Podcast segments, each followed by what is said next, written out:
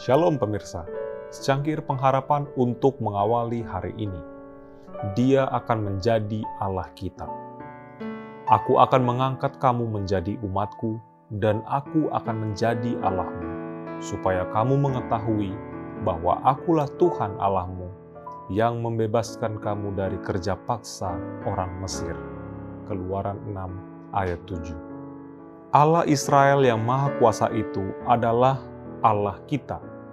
Di dalam Dia kita bisa berharap, dan jikalau kita menurut kepada tuntutan-tuntutannya, Ia akan mengerjakan bagi kita dalam satu cara yang mencolok, sebagaimana yang telah dilakukannya bagi umatnya pada zaman dahulu. Setiap orang yang berusaha mengikuti jalan tugas sekali-sekali akan diserang oleh rasa bimbang dan tidak percaya Kadang-kadang jalannya kelihatan seperti dipenuhi oleh rintangan-rintangan yang tampaknya tidak dapat diatasi, sehingga mengecewakan mereka yang mau menyerah kepada kekecewaan. Tetapi kepada mereka ini Tuhan berkata, "Maju terus, lakukan tugasmu apa pun yang terjadi."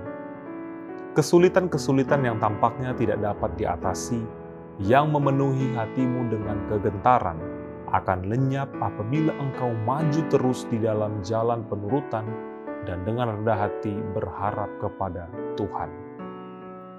Di dalam segala urusan Allah dengan umatnya, terdapatlah bercampur dengan kasih dan rahmatnya, bukti yang amat jelas akan keadilannya yang tegas dan tidak memihak.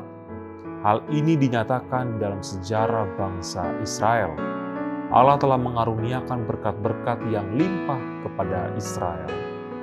Namun demikian, betapa cepat dan hebatnya pembalasan yang telah diturunkan kepada mereka atas pelanggaran yang telah mereka lakukan.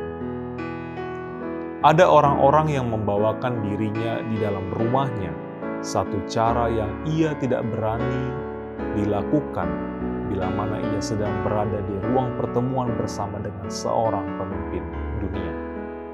Mereka ini harus mengingat bahwa mereka sedang berada di dalam hadirat Dia yang diagungkan oleh malaikat. Di hadapannya, malaikat-malaikat menutupi mukanya. Ini tidak lain dari rumah Allah. Ini pintu gerbang surga. Demikianlah renungan kita hari ini. Selalu mulai harimu dengan secangkir pengharapan.